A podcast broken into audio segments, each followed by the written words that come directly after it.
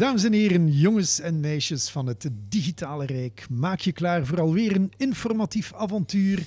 Zoals geen ander. Welkom bij Clear Talks, de podcastserie waarin jouw gastheren, de nerds in chief, Hans en Chris, af en toe vergezeld van mega leuke gasten, jullie door het ingewikkelde, maar zo leuke doolhof van technologie loodsen.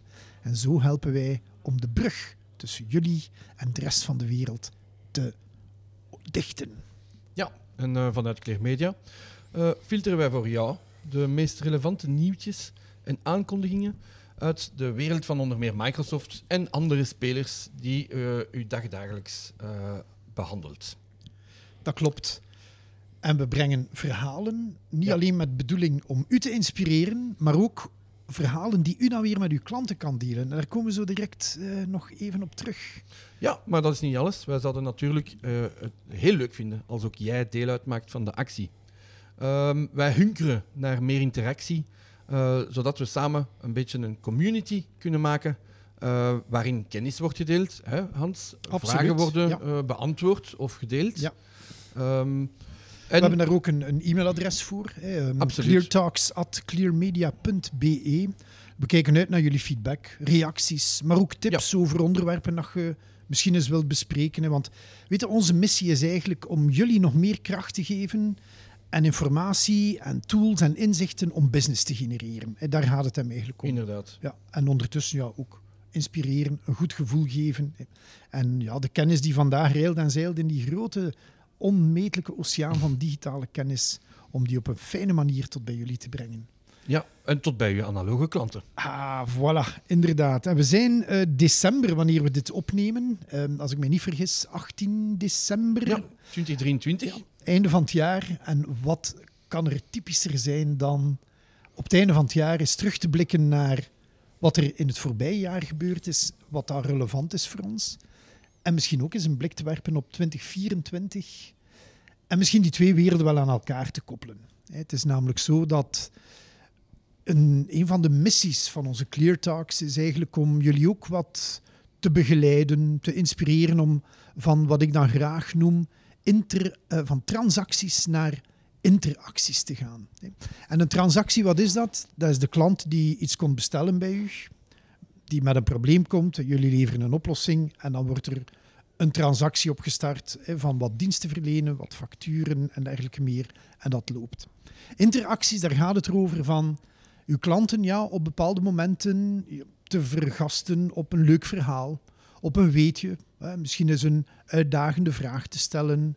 Um, misschien gewoon ja, een korte nieuwsbrief te sturen met ja, zowat de highlights van dingen die gebeuren.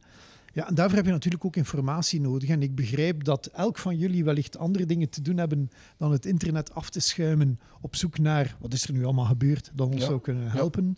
Dus wij doen het voor u. Ja, laat ons die spreekbuis zijn voor jullie, Ja. hè, zodat jullie kunnen op jullie beurt geïnspireerd worden. En zodat jullie misschien op jullie beurt ook de klant kunnen inspireren met eh, een beetje meer dan eh, de eh, gewone transactie. Klopt. En vandaag hebben we iemand in de studio om ons daarbij te helpen. En ik geef meteen ook de microfoon door aan onze kerstgast van deze podcast. Ja, bedankt eh, Hans. Inderdaad, vandaag eh, Thomas Droog hier, productmanager van Microsoft bij Clear Media. En ik blik eh, vandaag met heel veel plezier met jullie terug op eh, wat er het voorbije jaar zoal gebeurd is. Zowel rond Microsoft, maar ook eh, binnen Clear Media algemeen. Ja. En ik denk dat het ook zeker interessant is om eens te gaan kijken wat dat er het volgende jaar staat aan te komen. Want het was toch wel een jaar waarin veel gebeurd is en waarin dat er ook de voedingsbodem is gelegd voor Ja. een jaar vol nieuwigheden, denk ik, in 24. Klopt. Dus denk ik, het is wel hoog tijd om het er eens samen over te hebben, want Ja. eh, er staat heel veel op de plank. Ja. Ja, ik zie er zeker naar uit, naar uw inzichten. Ehm, en en eh, naar een vooruitblik misschien naar 2024, wat eh, op vlak van Microsoft of andere zaken waarover je geleerd hebt, eh, nog allemaal staat te komen. eh, En ik denk dat we inderdaad allee, een beetje de gelegenheid ook te baat gaan nemen om iets verder te gaan dan het Microsoft-universum. Mm, ja. Eh, niet alleen omdat er nog zoveel meer daarbuiten is, maar gewoon omdat het direct ook een impact heeft op wat dat we binnen de wereld van de oplossingen die we aanbieden, of het nu gaat over security, over collaboration, over artificial intelligence. Ik heb zo het gevoel, en ja, ben benieuwd naar jullie mening daarover, dat we in 2023 zo heel veel dingen hebben zien versneld zich ontwikkelen, maar ook samenkomen. Als we Mhm. kijken naar AI, cybersecurity. ehm, ik was zeer aangenaam verrast wat ik gezien heb op Proximus Think Next over quantum computing. Ja. Dat is echt niet mijn dada, maar zoiets van wow. Een eye-opener. Ja, dan ehm, IoT eraan gekoppeld. Ja. Ehm, misschien heeft dat ook wel weer een invloed op wat, dat we, wat dat we met, met onze wereldproblemen gaan doen. Niet dat we hier wereldverbeterend willen zijn, je maar wereldvrede, Hans? ik wil wereldvrede, ja. En ik wil misschien ook dat mijn kinderen nog eh, deze planeet duurzaam zullen kunnen eh, bewonen. Absoluut, hè. ja. ja, Ehm, ja. dus er, zijn, er is heel veel op til, vind ik.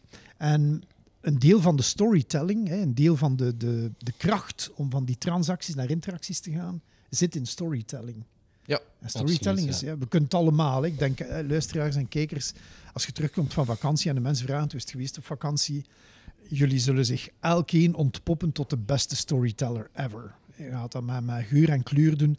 Mensen gaan zich er ook van alles kunnen bij verbeelden. hè. Als je vertelt waar dat je zat, wat dat je gedaan hebt, hoe dat de omgeving eruit zag, hè, dat roept onmiddellijk beelden op. En daar gaat het hem over. hè. Dus stel je voor dat je bij je klanten met verhalen kunt komen. Dat moeten geen boeken zijn, hè. maar over ja, een klein stukje AI, een klein stukje hè, van de topics die we net de revue hebben doen passeren. Ja, hoe leuk is dat? Dat je mensen even kunt meenemen in hmm, what's in it for me? Ja, dat is het keyword voor mij ook. Het is het meenemen, het vertellen met overtuiging. Eh, zoals Ja. dat verhaaltje uit je vakantie. Als je dat Ja. kunt ehm, overzetten Ja. op verhalen die de klant eh, aangaan, Mhm. dan zijn die half mee. Ja. Ja, ik denk ook, eh, wat ik vooral merk, is dat we vooral, als we naar IT kijken van vroeger, was dat heel gefragmenteerd. Hè. Mensen zijn Ja. bezig met security of met eh, firewalling in het specifiek. Maar nu, IT zit zo vervat in ons dagelijks leven dat we eigenlijk elke storyline daar wel kunnen aan terugkoppelen. We, we krijgen dagelijks te maken met IT, van de grootste analfabeet tot de, de grootste Ja. IT-expert heeft wel iets of wat interactie met IT. Ja. En ik denk dat dit jaar daar heel duidelijk in is geworden hoe ver- verweven dat, dat eigenlijk zit in ons dagelijks leven. En dat is eigenlijk ook iets heel leuk om eh, mee naar uw klant te gaan, natuurlijk, want dat is heel tastbaar voor zo'n klant. Van ja, kijk, eh, IT zit toch wel heel dicht bij mij eigenlijk, zonder dat ik het misschien zelf besef. Eh, en we evolueren daarin zo snel. dus dat dat zeker iets is om, om, om goed naar te kijken. En een deel van de toegevoegde waarde, denk ik, als IT-partner, is ook om die boodschap te verspreiden. Ik was eh, vorige week zat ik in een aantal workshops van eh, een, een VZ2, een Wording Digital heet het. Het is een initiatief van eh, BNP Paribas, maar dat een onafhankelijk leven zal beginnen leiden. Waarin trouwens ook redelijk wat mensen van, niet van Clear Media, maar van de Proximus groep actief zijn. Ehm, en het gaat eigenlijk over digitale inclusie. En ik viel achterover toen dat ik hoorde dat in België, en nogthans een ontwikkeld land lijkt me, dat eigenlijk maar 54% van de bevolking mee is met de basistechnologie die nodig is om eigenlijk te kunnen leven. Zijn de online belastingen indienen, iets met iets mee doen, Ja. een bankoperatie doen, automatisch je parkeerdingen betalen en dergelijke meer. Maar dus 46% Ja, dat is een kan niet cijfer. mee of heeft niet de middelen om mee te kunnen. Dat is zot. Ja. ik denk dat je daar een heel goed woord gebruikt, een basisbehoefte. Waar het vroeger eigenlijk geen basisbehoefte was om online te zijn, is dat nu absoluut wel. Hè. Ik denk, ja. internettoegang is voor veel mensen nu echt een basisbehoefte geworden, eigenlijk voor iedereen. Daar waar het eh, vijf tot tien jaar geleden helemaal geen basisbehoefte meer was, waar dat men vroeger dacht aan eh, water en brood, ik zeg maar zoiets, ja. is het nu echt gewoon van, van levensbelang om geconnecteerd te zijn. En dan zijn inderdaad zo'n cijfers wel echt schrijnend. eh je ziet dat meer dan de helft daar eh, weinig tot geen toegang tot heeft. Dus het is ja, een, prachtig initiatief, Ja. vind ik het. eh, om, het- om iedereen mee te krijgen, Het natuurlijk. stemt ook tot nadenken, hè, want bij die 46% zitten niet alleen ouderen, maar zitten ook veel jongeren. Ik verschoot van de, de tranche tussen 14 en, en 17, 18 jaar, waarvan dat we zouden denken, Amai, ja. die zijn allemaal mee. Die zitten normaal allemaal op dat hun telefoon. een enorme achterstand. En dat zijn wel de mensen die binnen een paar jaar bij uw klanten, hè, beste Clear Media partner, gaan aankloppen om een job te doen. Die daar waarschijnlijk technologie zullen voor moeten gebruiken. Want allee, het zit overal vandaag. Ik bedoel, Ja. eh, allee, kijk, kijk nu bijvoorbeeld IoT. We, zien steeds meer technologie geïntegreerd onder de vorm van dingen die er niet als technologie uitzien. maar om data te verzamelen. In auto's, in transport, in, in, ik, er zijn zoveel scenario's waar dat zelfs die simpele medewerker die misschien een manuele job moet doen, toch op een of andere manier met die technologie gaan geconfronteerd worden. Dus we hebben er alle belang bij om samen ook met onze klanten, en aangezien dat wij aan de bron zitten, om daar sensibilisering te genereren, om Mhm. verhalen te vertellen, om Ja. mensen daar ook in mee te nemen dat dat eigenlijk allemaal vrij normaal wordt. En- Al is het maar eh, om een beetje de tip van de sluier op te lichten, ze moeten daarvoor niet diep ingaan op, eh, op, op die verhalen of tijdens Ja. die verhalen diep ingaan. Al is het maar om hun een beetje kennis te geven, een klein inkling eh, van kennis te geven over het bestaan van IoT. Jij kunt IoT zelf tegenkomen tegenwoordig als jij door de stad wandelt, hè, Hans? Dat is... Dat is ook een van de, de trends van vorig jaar. Eh, De, en het is al een paar jaar dat ze daarmee bezig zijn, maar het gegeven van smart cities bijvoorbeeld. Ehm, dat je dus eigenlijk hoe langer hoe meer technologie geïntegreerd krijgt in het stadsbeeld, gaande van sensoren om te weten wanneer dat de vuilnisdiensten moeten langsrijden om die een overvolle publieke vuilbak te legen. Wat als ze dat vroeger elke dag een keer deden, Ja. een van tijd, niet nodig. En toen ik in het begin zei, wat dat mij opviel in 2023, is dat allemaal wat samenhangt. We hebben het gehad over duurzame klimaattoestanden. Het hangt allemaal samen. Hè. Ja, is klopt. Onwaarschijnlijk. Hè. Ja, het verhaal van die vuilbakken, dat is eigenlijk wat in Barcelona als pilootproject gestart is. Hè. Dus daar, zijn men, daar is men eigenlijk overgeschakeld naar die grote centrale vuilpunten. Al die containers waren uitgerust met sensoren. Destijds vond men dat een beetje overkill. Men dacht van ja, dat is overtechnologie. Maar nu ja, zit je met een stad met een heel geoptimaliseerd eh, ophalingssysteem. Dat is eigenlijk ongelooflijk. Mensen staan daar niet bij stil. Ze gaan gewoon hun vuilnis op en ze denken, ja, daar, dat gebeurt wel. En dat wordt wel opgehaald, maar ook daar zit technologie achter. Ik herinner mij ook een project dat ik nog gedaan heb bij Proximus Groep, waarbij we eigenlijk sensoren gingen installeren in eh, bij mensen thuis. Ja. En daar waar men vroeger zou zeggen van, god, jij, mijn mazoettank is leeg, ik ga bellen voor, om hem te laten vullen, ging dit project er eigenlijk automatisch voor zorgen dat iemand nooit zonder mazoet kwam te zitten. Waardoor het eigenlijk was dat soms uw mazoettank nog half vol is, maar die toch al wel er- werd bijgevuld. En mensen dachten dan van, ja, wat voor nut heeft dat hier in godsnaam? Waarom wordt mijn mazoettank hier al bijgevuld? Er zit nog meer dan een helft in. Maar eigenlijk was het een IoT-project waarin dat we gingen kijken van hoe kunnen we zo optimaal mogelijk eigenlijk in een volledige regio die mazoettanks gaan vullen om ja, eigenlijk zo klimaatneutraal mogelijk te werken, zodat die truck niet heel de tijd op en neer moet rijden, maar eigenlijk langs één mooie route kan gaan. Ja. en eigenlijk de mazoet kan aanvullen. En dat zijn eigenlijk voorbeelden waarin dat we zien dat, dat IoT zo verweven zit in het dagelijks leven, waar mensen soms niet bij stilstaan natuurlijk. En zo zijn er honderden voorbeelden te geven. Dus, Ehm, dus, wat, dat, wat dat ook zo mooi is in dat verhaal, het gaat over waarde creëren. Hè.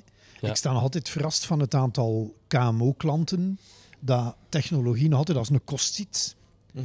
En ja, we zijn ook opgegroeid, denk ik, heel veel van onze luisteraars en kijkers ook. Ja, in een, ja, het is een dienst, hè. Het, is, het, is, het is iets dat kost. eh, We moeten ervoor en het betalen, lost een probleem Ja. op. Hè. Ehm, Ja. En we hebben het nog altijd... We zien het altijd vaak als een grote uitdaging om echt proactief over waarde te beginnen babbelen. Meestal gaan we wachten tot er een probleem op tafel gelegd wordt en wij gaan dan een oplossing geven, want we zijn solution providers. hè.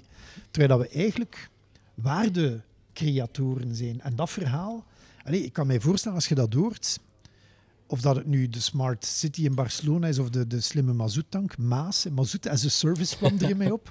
Maar hoeveel dingen kunnen nog als een service aanbieden en hoeveel scenario's zou je met je klanten gewoon een keer kunnen aanraken om dan die klant ook weer even aan het denken te zetten? Ja. Zodat die zegt van verdorie, dat, dat zou mij x aantal uren of euro's kunnen opleveren. Ja, ik denk dat dat ook de insteek is om mee naar uw klant te gaan vandaag de dag. Het, het- we staan onder druk, alles wordt duurder. Klanten zullen kritischer zijn voor de diensten die ze aankopen. En ik denk als we een discussie vanuit een salesperspectief moeten gaan voeren over prijs, ja, dan gaan we heel snel botsen op muren. Dan gaan mensen zeggen, ja, maar het is te duur. Terwijl als we die discussie zouden starten van wat dat de meerwaarde is van een bepaalde dienst, ja, dat zijn hele andere discussies waarbij prijs eigenlijk niet meer zo relevant is. En ik denk dat we dat soort gesprekken moeten gaan aangaan met onze klanten om eigenlijk nog, ja, ook als IT-partner, als een soort gevestigde waarde over te komen, in plaats van Ja. heel de tijd over prijs te gaan spreken, wat natuurlijk ook belangrijk is. Maar als we gaan kijken naar meerwaardecreatie, moeten we echt gaan kijken van wat kunnen de, de tools die wij aanbieden aan die klant voor die klant verbeteren. Mhm. Ja, en dan gaat die klant dat waarschijnlijk doen, no matter the cost. Ja, denk ik. tuurlijk. Absoluut. Ja, het zal Ja. wel. En dat is, het, dat is dat hele value proposition verhaal. Hè. En als je dan kijkt naar wat er zeker in het voorbije jaar aan technologische versnellingen gebeurd is, Mhm. dan zitten we eigenlijk op een goudmijn aan middelen om waarde te creëren. Absoluut. Lijkt Ja. mij. Hè. Ik weet niet of dat, dat, dat Absoluut. Ik herkent. vind ook maar... dat er een, een hele reeks aan eh, tussen aanhalingstekens nieuwe oplossingen gekomen zijn. Maar zoals dat jij het zo mooi verwoordde eerder, Hans, eh, samengevloeide oplossingen Mhm. en toepassingen vooral van die oplossingen zijn. eh, waardoor dat wij in een moment zitten, in een, een transitionele fase zitten, waarom dat er zoveel opportuniteiten zijn. Eh, als je maar een beetje nadenkt of een beetje creatief kunt zijn, dan zijn er dingen die jij je eigen kunt maken als partner. En die je zo naar de klant kunt brengen om zo meer waarde te creëren. Eh, dat is een Absoluut. absolute eh, ehm, cruciaal moment om, Ja. het, om eraan te beginnen.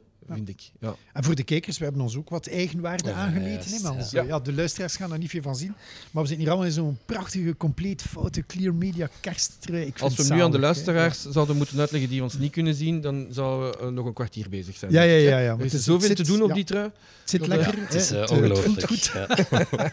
Hij is warm, dat is Ja, al een, eh, is een- een zeker warm, ja. Het is al zo'n vorm van vernieuwing. Hè. Op zich zo, eh, een innovatief trui. Daar zijn we zeker al een storytelling mee bezig. hè, Ik denk dat ik, hem, eh, dat ik hem nog wel even ga dragen na de opname ook. Gewoon omdat het zo lekker fout zit. Hè.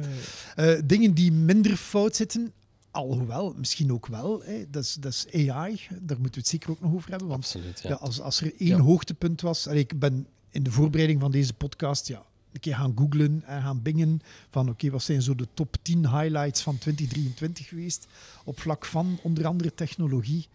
Ja, gelijk welke bron dat je raadpleegt. Bovenaan AI, AI, AI. Ik bedoel, het Ook doet voor mij persoonlijk pijn. is Ja, dat een... ja. eh, ik weet niet voor u, Hans, maar ook voor mij persoonlijk is dat... En voor u natuurlijk, eh, Thomas. Maar voor mij persoonlijk is dat ook een van de, de hoog... Als je mij een top 3 vraagt, dan, dan komt hij daar zeker in Ja. voor. Eh, AI. Ja, voor mij absoluut ook. Ik denk dat 2023 echt het jaar is waarin AI eh, ja, vermenselijkt is geworden, Ja. om het zo Mhm. uit te drukken. Ja. Het is heel dicht tot bij ons gekomen. Ja. En dat is eigenlijk heel straf om te zien, want bijvoorbeeld eh, het bedrijf achter ChatGPT, OpenAI, bestaat eigenlijk al heel lang. Maar het is pas in 23 dat het ineens op iedereen's radar is gekomen. Ja. Het is eigenlijk ongelooflijk op, op, op zo'n korte tijd hoe, hoe snel zoiets een deel gaat uitmaken van ons leven. Ik bedoel, iedereen kent ChatGPT, al is het maar van, van naam, hè, maar men, men heeft er ongetwijfeld al van gehoord. Dus 23 was echt het jaar waarin AI helemaal tot naar beneden is gedruppeld, op heel, snel, heel korte tijd. Ja. En tot in iedereen's woonkamer is binnengekomen.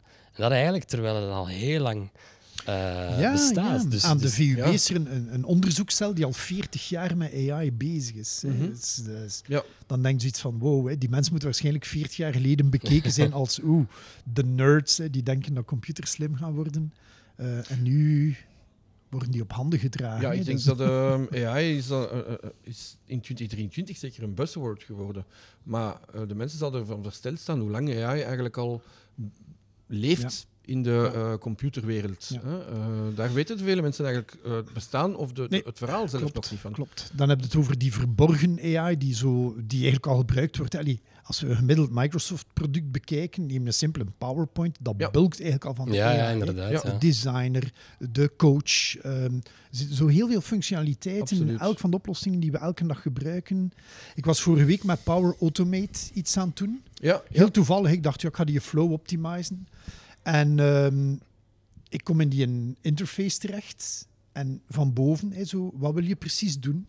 En ik, ja, ik wil een flow waarin dat als iemand daar iets doet, dat ik dat daar en daar te zien krijg. Mhm. Enter, poem. Dus dat stukje generatieve AI, ook daar was het zoiets van, wow.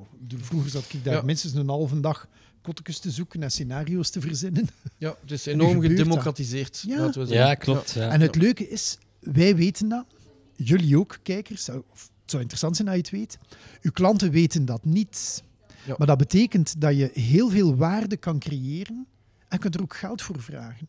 Absoluut. De, de, ja. de managed services ik denk dat je die in 2024 zou kunnen aanvullen met empowering services of Ja. enabling services, of noem het gelijk dat je wilt. Hè. Ja. Maar dat je zegt van kijk, je betaalt mij per maand een fee en wij gaan ervoor zorgen dat uw automatisatie altijd maar meer en meer, hè, op, op kleine simpele dingen. Hè. Je moet er geen van die complexe ERP-projecten van maken, maar gewoon, ah, jij doet dat zo, we gaan dat voor u een stukje gemakkelijker Gemakkelijker. maken. Ja. En Ja. dan gebruikt de, de tools. Ik denk dat er daar inderdaad een hele grote rol ligt als eh, IT-partner om daarmee aan de slag te gaan bij uw klanten. Ja.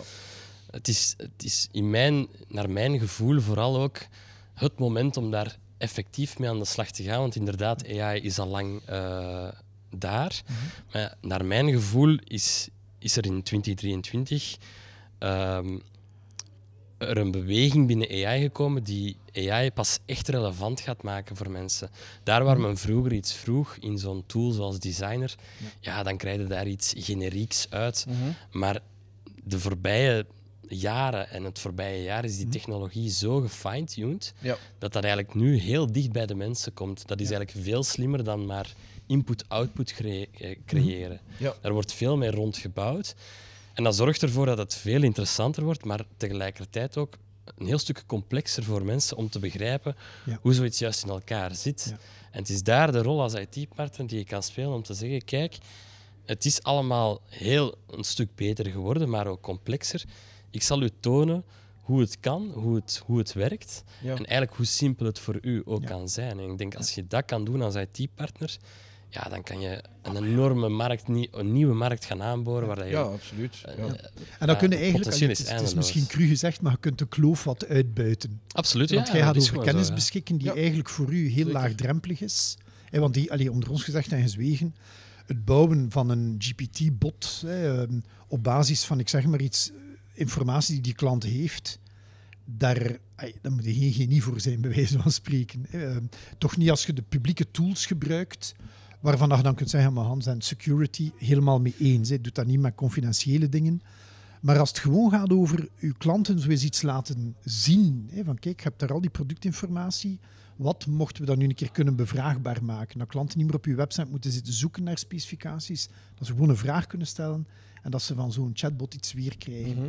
En je bouwt zo een, een, een proof of conceptje, een dingsken op basis van eh, publicly available tools. En dan ga je gaan kijken, ik zeg maar iets in de Azure OpenAI Studio, die ook stilletjes aan voor iedereen eh, open, eh, begint beschikbaar te worden. En je gaat er een keer mee aan de slag. En in het begin, ik weet het, het gaat bloed, zweet en tranen kosten. En je gaat zeggen van verdomme, wat ben ik hier aan het doen? Maar hou het simpel. Ehm, Ga voor eenvoudige scenario's en gebruik de technologie voor wat dat ze waard is. hè. Want Ja. het is misschien het jaar van de doorbraak geweest van AI, maar het is ook het jaar van de overhyping geweest. Absoluut. Ik denk dat, dat, dat dat het grote punt is. Hè. Ja. Ik denk, op één jaar tijd is er zoveel bijgekomen dat er misschien een soort koudwatervrees is van oef, Ja, het is zo overweldigend geworden, ik zie het bos door de bomen niet meer. En het is daar ook dat je als IT-partner die, die meerwaarde kan gaan bieden. Ja, er zijn, ik denk dat het bijna elke dag is dat er een nieuwe AI-tool uitkomt. Na, na verloop van tijd, mensen weten niet meer wat is in godsnaam nog voor mij relevant. Ik ben een kleine KMO. Men denkt van ja, dat is op een groot corporate level. Maar het is daar dat je als IT-partner de, de, de, Verschil de- maakt. het Ja. verschil gaat maken. Ja. Hè, om, om jouw KMO en jouw klanten gewoon te zeggen van kijk, beste klant, ik weet dat er 500 of meer tools zijn, maar ik heb er hier drie geselecteerd die voor mij, in mijn ogen, voor jou interessant lijken. Ja. En dan gaat die klant zeggen, ja, eigenlijk, dat is wat ik nodig heb. hè. En dan, Ja. dan zorg je voor ja, een veel betere binding. Je, je, Voilà. werpt jezelf op Je als hebt- expert. En je hebt waarde geleverd Voilà. zonder dat het de klant eigenlijk initieel iets gekost heeft. Je kan het onmiddellijk proeven. Hè, dat is zo gelijk eh, in de bakkerij, als je zo stukjes Ja. van een croissant of van een goede boterkoek al laten proeven. Ja, dan gaat het ook zo, hm, lekker, Ja. ik ga dat kopen of whatever. Hè, maar, Nee, Dus- nee eh, ik, ik, merk, ik merk dat er nu in 2023 al eh, partners zijn die de, het voortouw al genomen hebben, die al op de boot gesprongen zijn. Al is het maar met de, de, de trainings, de adoption trainings die ik eh, eh, geef Mhm. aan de eh, eindklant uiteindelijk. Ja. Ja. die trekken zo hun ogen als we even teruggaan naar die, die, die AI die ingebakken zit in Microsoft-programma's. Als je die dan nog maar toont, die trekken zo hun ogen. Ehm, of dat het nu Outlook is, of, of, of PowerPoint, of Forms. Daar zit boordevol AI in. De klant die begint dat te gebruiken en die is de partner dankbaar daarvoor. Ja. Om, omdat iets getoond werd waar we dat hij Ja. een, een, een, een beetje een advantage op de Voilà, rest van zijn concurrentie kan een nemen. IOU. Hè. Ja, Zo, je hebt me dat gegeven, Ja. ik moet u Ja, iets... een eh, vertrouwensband creëert je ja, ook ja, tussen ja. U, u en uw klanten. Dus eh, dat is nu al in 2023 merkbaar. Vooral de tweede helft van 2023 heb ik een, echt een, een drastische increase gezien in het, eh, in het, in het eh, aankopen van die Mhm. dienst, de adoption trainingen. Ja. Ehm, Dat maar dat gaat zich in 2024 zeker voorzetten, denk ik. En ik denk als je niet op de, de bus springt nu, dan, ehm, dan gaat hem missen gewoon. Nee, dat klopt. En ik denk, je haalt er een, een heel leuk thema aan dat ook weer vol opportuniteiten zit. Eh, ik ben ook voor een aantal partners met gelijkaardige dingen bezig. Ja. En ik vind het leuk om te zien dat zaken waar vroeger, ja, ofwel ging, moest, was het jouw plicht, want je had de oplossing daar binnengebracht. Dus je kunt zien dat mijn mensen het gebruiken ook. Ik ga daar niet voor betalen. Ja. En als je het niet doet, ja, dan laten we onze mensen zwemmen. En ze moeten maar zelf ontdekken. Absoluut. Ja. Ik merk nu ook een steeds grotere bereidheid bij bedrijven om daarin te investeren. Mhm. Om Ja. die kloof binnen de organisatie ook dicht te Ja. fietsen. En dat is een, allee, als partner moeten we geen schrik hebben om als we een, een, een tenant bij een klant mogen openen, al is maar met 30 seats of 50 seats of 10, maakt niet uit, om direct te zeggen, van, kijk, we hebben ook een adoptietraject, we hebben daar de mensen voor in huis, dat gaat u zoveel kosten per sessie, we gaan dat samen met u organiseren. En daar zijn budgetten voor. hè. Ja, ik, Absoluut hoor. Je merkt het, dat. het mag zeker ook eh, ja, inderdaad iets kosten. Ja. En ik denk ook dat het van belang is om als partner heel goed te tonen, zoals jij eigenlijk doet, Chris, in uw adoptietrainingen, wat dat hij juist kan met de tools dat hij al heeft. Ja. We moeten het warm water niet altijd opnieuw gaan uitvinden. Het heeft geen zin om daar een heleboel AI-tools op te gooien wanneer uw klant eigenlijk nog niet alle functionaliteiten van Teams kent. En het is denk ik ook belangrijk als partner om dat juist te tonen. Want als je dat niet doet en je hebt een klant die eigenlijk een licentie heeft die volledig overkill is Mhm. voor wat dat die klant eigenlijk gebruikt, ja, dan is het heel makkelijk eh, voor de concurrentie om binnen te komen Ja. met een goedkoper abonnement. ja, absoluut. En dan is die klant effectief wel weg. Oké, dan heeft hij een goedkoper abonnement, maar dan is hij voor u volledig weg. ja. Dat Dus zijn het de, de aloude telecompraten. Absoluut, Ja, ja, ja, ja, we maar het is altijd echt- veel. Dat je me dus echt Dat is, dat is hoe het is. Ja, dat is echt gewoon een retentiestrategie om, u, om uw klant heel goed te gaan informeren van kijk, dit kun je ermee doen. Ja. En ik denk dat daar nog een enorme markt ligt. We zien dat ook Ja. bij Chris. Ja, je wordt eigenlijk bijna overbevraagd. Ja. Eh, ja, dat is van, van levensbelang. En als we dat dan juist hebben en die basis ligt er, dan kunnen we gaan Dan kunnen we praten over gaan. gaan we AI-tools Ja. gaan implementeren, gaan we je omgeving wat uitbreiden. Maar er ligt nog heel veel klaar waar je al mee aan de slag kan als Absoluut, partner. Absoluut. ja. Ja. En het waar bedrijven geld voor hebben. Dus Absoluut. noteer Ja. het. Hè. En als op het, in 2024, hè, kom daarmee naar buiten. eh, doe daar, er is ook enorm veel materiaal voor partners beschikbaar via Clear Media, via de Microsoft Partner Portals. Ja. Het is dan niet dat ontbreekt hè, ehm, om, Ja. het, om het goed te doen. Eh, maar dan brengt ons, eh, we zitten nu een beetje in die wereld van, van AI. Een beetje overgehyped soms. Wat dat ook natuurlijk bij sommige mensen hè, zoiets geeft van, eh, is dat eigenlijk voor ons? Eh, is dat eigenlijk wel veilig? Is dat eigenlijk wel juist? Hè? Want ik kan ik iets vragen aan ChatGPT en als mij dat een fout antwoord geeft, tot daar. Maar als ik dit zou gaan gebruiken in mijn klanteninteracties, als een soort supportbot of zo, en dat ding begint foute antwoorden te geven, Ja.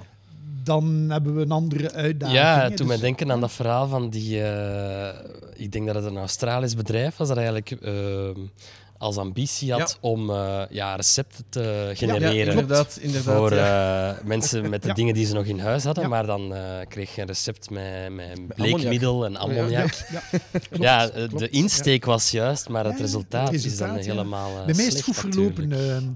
Ehm, ik, heb, ik heb zo ooit een foto genomen van mijn frigo en dat dan aan ChatGPT geven en vraag van wat staat er allemaal in mijn frigo, wat kan ik er allemaal mee maken. En gelukkig stond er geen bleekwater in. Ja. Maar dat liep, dat liep eigenlijk wel, eh, wel vrij goed. Eh, maar het is het, ehm, het, een van de voor mij hoogtepunten uit de recente maanden was de hele bijna Netflix-waardige mm, dat weekend hè, van, waarin dat OpenAI even bijna Mhm. niet Och, meer ja. bestond of anders ja, ja. bestond. Ehm, maar kwam eigenlijk een beetje neer op het gesprek dat we hier nu hebben. De believers en de, ik kan niet zeggen de non-believers, maar degenen die ermee vooruit willen en degenen die zeggen van, oh, oh, oh, Mhm. rustig. Hè. We weten niet wat het hier allemaal gaat kunnen en hoe dat, dat verder gaat evolueren. Ik behoor eerder tot het kamp van, weet je, het is nog altijd voor mij, en pardon my French, ik vind het nog altijd artificiële, oppervlakkige waarschijnlijkheid. Hè, Het is, het is een wiskundig model dat werkt op basis van veel input dat je het gegeven hebt en dat daardoor contextgebonden output geeft, maar zonder enig besef, zonder enige Ja. eigenlijke vorm van intelligentie, behalve processen repeteren. Ehm, als je aan zo'n AI-robot zou vragen van je hebt hier zo'n kubus met allemaal vormpjes in en je moet daar het cilinderke in het cilindervormpje duwen. Dat ding gaat dat leren, maar dat gaat dat leren op basis van die kubus. hè. En Steve Wozniak, misschien nog gekend van Apple, vroeger, van die vroeger, heeft, ja. ik heb dat onlangs ook gehoord, gelijk wel de max. Dus vroeger hadden we de Turing-test, of we hebben die nog, hè, de Turing-test, Ja. voor mensen die, voor wie dat, dat geen belletje doet rinkelen. Dat is eigenlijk een test waarbij dat je een computer met iemand laat babbelen en als het individu geen onderscheid kan maken van wacht, ben ik nu met een mens bezig of met een computer, dan heeft dat systeem de Turing-test doorstaan. Ja. Nu blijkt, ik heb dat in Nerdland opgevangen, dat eigenlijk van de huidige large language modellen, dat die slaag, dat slaagpercentage eigenlijk maar rond de 50% ligt. Mhm. Dus iedereen slaag, denkt ja. van, wow, wow hé, dat is hier echt de mens. Maar nee dus.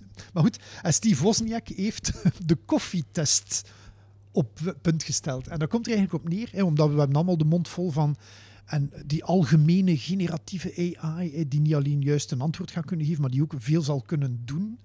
En dus de koffietest, ik wel de max. En ook om te delen met uw klanten. Ik vind het een schitterend verhaal. Eigenlijk stel dat je dus AI in een robot steekt. En als die robot in staat is om in gelijk welk huis binnen te komen en een tas koffie te zetten, los van waar dat die koffiezet staat, van waar dat de koffie staat, van welk type koffiezetmachine dat is, enzovoort. Dus dat die binnenkomt en zegt van, ja, dat zal waarschijnlijk hier in de keuken staan. Oké, hier, up. de koffie staat normaal in een kast erboven. Als het daar niet staat, zal het in de kast eronder zijn en anders in de lade. En daar niet, dan ga ik in de berging gaan kijken. En los van het type toestel dat je gebruikt, gaat dat ding, ook al kent hij dat toestel niet, in staat zijn om Koffie een koffie te maken. De dag dat we met AI dat kunnen doen, in een veelvoud van huizen die er allemaal anders uitzien, met allemaal andere koffiezetten en Ja. dergelijke meer, dan kunnen we spreken van generatieve, allee, algemene generatieve artificiële intelligentie. Ja, maar dan gaat je de combinatie maken van ja, het, het intelligente van AI, maar ook met het mechanische van AI. Hè. Ik denk Absoluut, dat, dat ja, ja, ja. eh, wanneer was het? Vorige week of zo heeft Tesla zijn tweede generatie van zijn eh, human eh, robot eh, voorgesteld. Mhm. Ja, oké, als je daar naar kijkt, dat is, dat is ongelooflijk om te zien. Maar tegelijkertijd vraag ik me af in hoeverre, hoe vlot dat die koffie gaat Ja, zetten. wel, ze zijn getraind, een beetje zoals de large language modellen, op een dataset. Ja. Maar wat dat daar buiten valt, daar kunnen ze eigenlijk niks Ja, mee doen. En dus als we dat terugbrengen naar OpenAI, daar heb je dus het kamp dat denkt van oh, we zitten hier heel dicht bij de, de general, eh, algemene eh, artificial intelligence, dus de robot die koffie kan maken.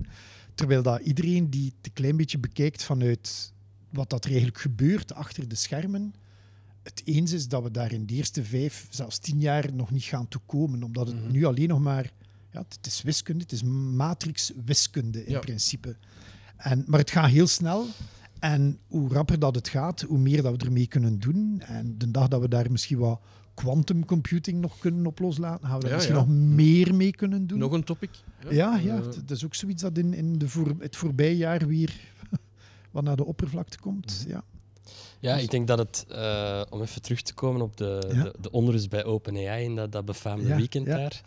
Ik denk dat dat wel een terechte eh, bemerking is. Dat er enerzijds een, een, een drang is naar innovatie, maar dat mensen anderzijds ook denken van ja, wat gaat het geven? We stappen eigenlijk in het onbekende.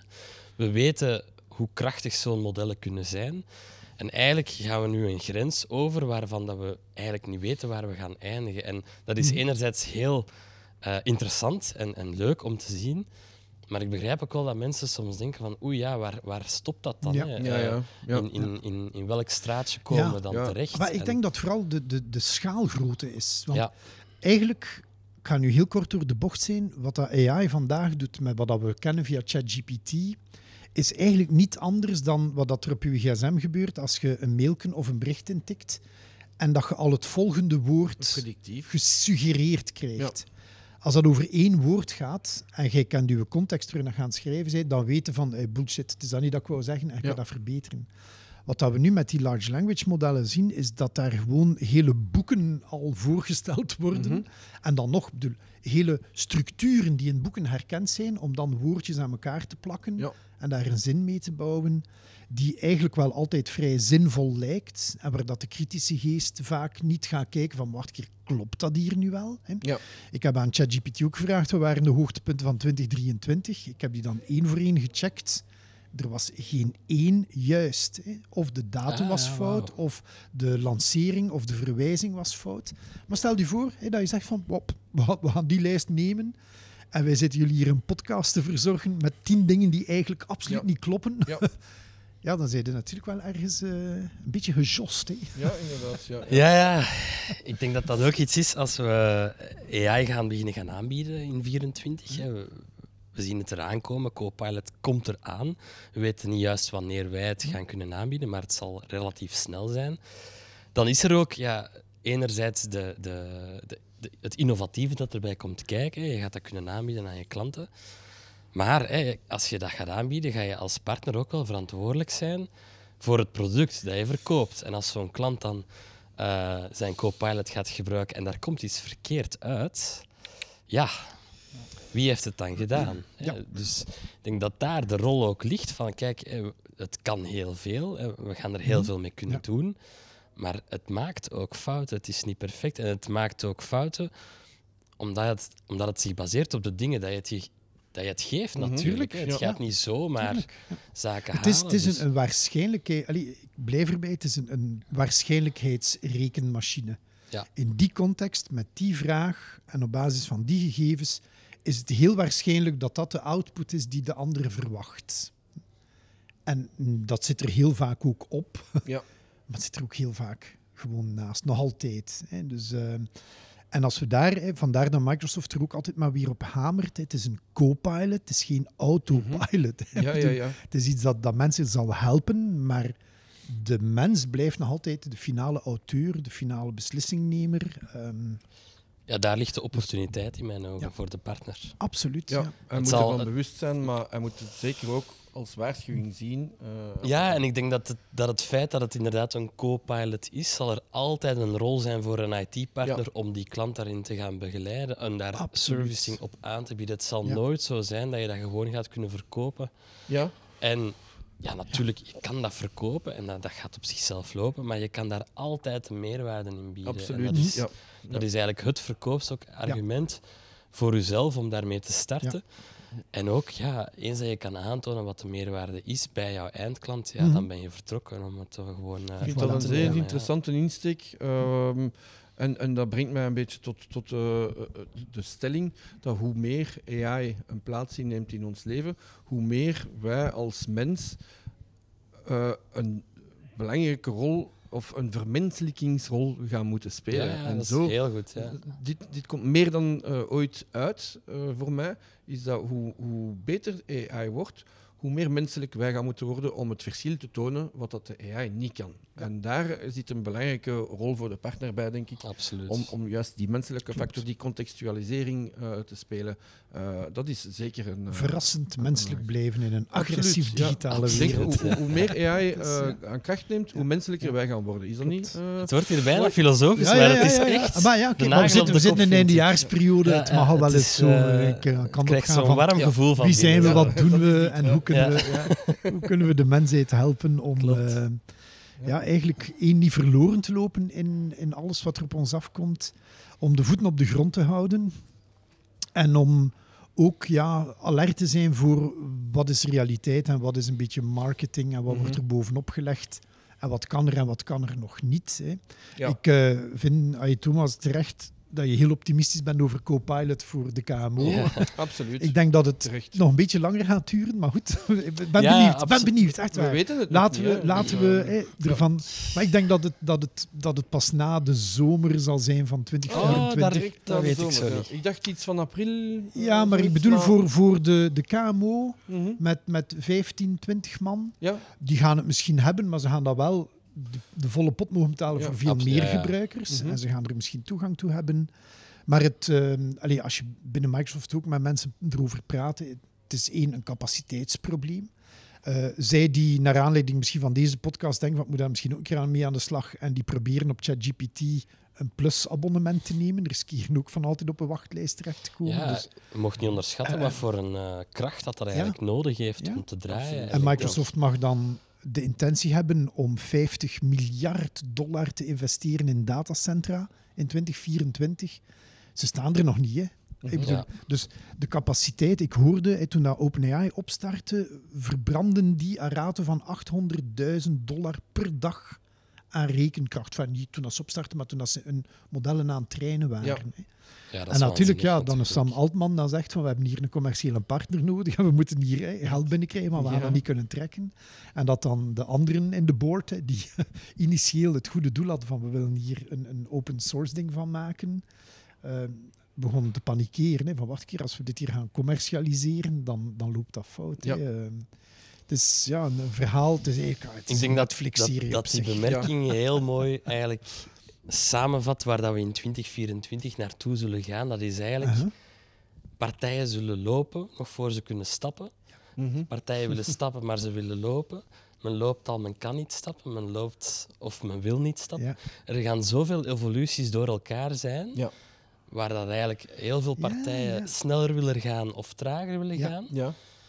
En ik denk dat we in 24 heel veel dingen op ons eh, gaan zien afkomen, waarbij het voor ons vanuit Clear Media, maar ook voor onze IT-partners, een rol gaat zijn om Ja. de rust te bewaren, Ja. het overzicht te bewaren en eigenlijk pragmatisch daarmee aan de slag te gaan, in plaats van heel de tijd mee te gaan op de volgende trend. Want als we dat gaan doen, dan gaan we eigenlijk, denk ik, ook onze klanten afschrikken om daarmee aan de slag te gaan. Ja. Ik denk als wij daar een, een, een soort baken van hoop van AI kunnen spelen, Mooi. Ja. dan, dan zijn we in Ja. 2024 een partij die denk ik het, het verschil kan maken. Ja, ik- absoluut. Ik, denk dat het volgend jaar pas echt gaat exploderen. Het is Ja. eigenlijk in 23 al serieus naar de Mhm. oppervlakte gekomen. Ik denk dat we in 24 vooral gaan zien dat het als paddenstoelen uit de grond schiet, misschien ook als onkruid uit de grond schiet. Ja, en dan, dan is het de bedoeling om, om, Ja. om te gaan kijken waar ligt de meerwaarde, wat is eigenlijk overhyped, waar wordt what are is- people sleeping on Voilà. en wat, Ja. is, wat is nu wel een goede Ja. tool. Dus ik denk dat als we dat, dat gaan doen in 24, dat we echt wel ehm, tot ergens kunnen komen. Ja. Ja, Thomas, met deze woorden heb je ons eigenlijk ook heel mooi geloodst naar het einde van deze ondertussen bijna drie kwart uur durende fijne interactie. Waarin dat we eigenlijk nog maar de helft Ja. behandeld hebben van de dingen die we op doorgaan. eh, Die agenda staan Eh, hebben. ja, Maar ja. misschien doen we nog een tweede editie, want hey, we moeten ook nog eens kijken naar 2024. En er is nog zoveel anders gebeurd in het voorbije jaar waar we jullie kunnen rond inspireren. We gaan dat met genoegen doen. Hou deze alvast eh, in jullie podcast favorite list. Stuur ons feedback naar cleartalks.clearmedia.be. Ehm, geef ons ook sterretjes, hè, want het is dankzij feedback dat de podcast ook eh, in, in gerankt wordt naar een niveau Ja. waar dat we hem eigenlijk willen. Heel hoog. Ehm, heel maar hoog. vooral, vooral denk ik, en we zijn het er allemaal over eens, geef er in 2024 een mega goede lap op. Absoluut. Gebruik de info die we met jullie delen, samen met alle andere input die je hebt. En onthoud eh, hoe leuk het zal zijn voor jullie om van transacties met jullie klanten ook grotendeels naar interacties te gaan. En daar op zich weer heel veel vreugde, maar ook geld mee te verdienen in 2024. Het is je gewenst. Hartelijk dank om eh, hierbij geweest te zijn voor deze podcast. We gaan zo meteen eens in de agenda's duiken en zien of we nog een tweede editie Ja. eraan kunnen koppelen. Stay tuned en tot gauw.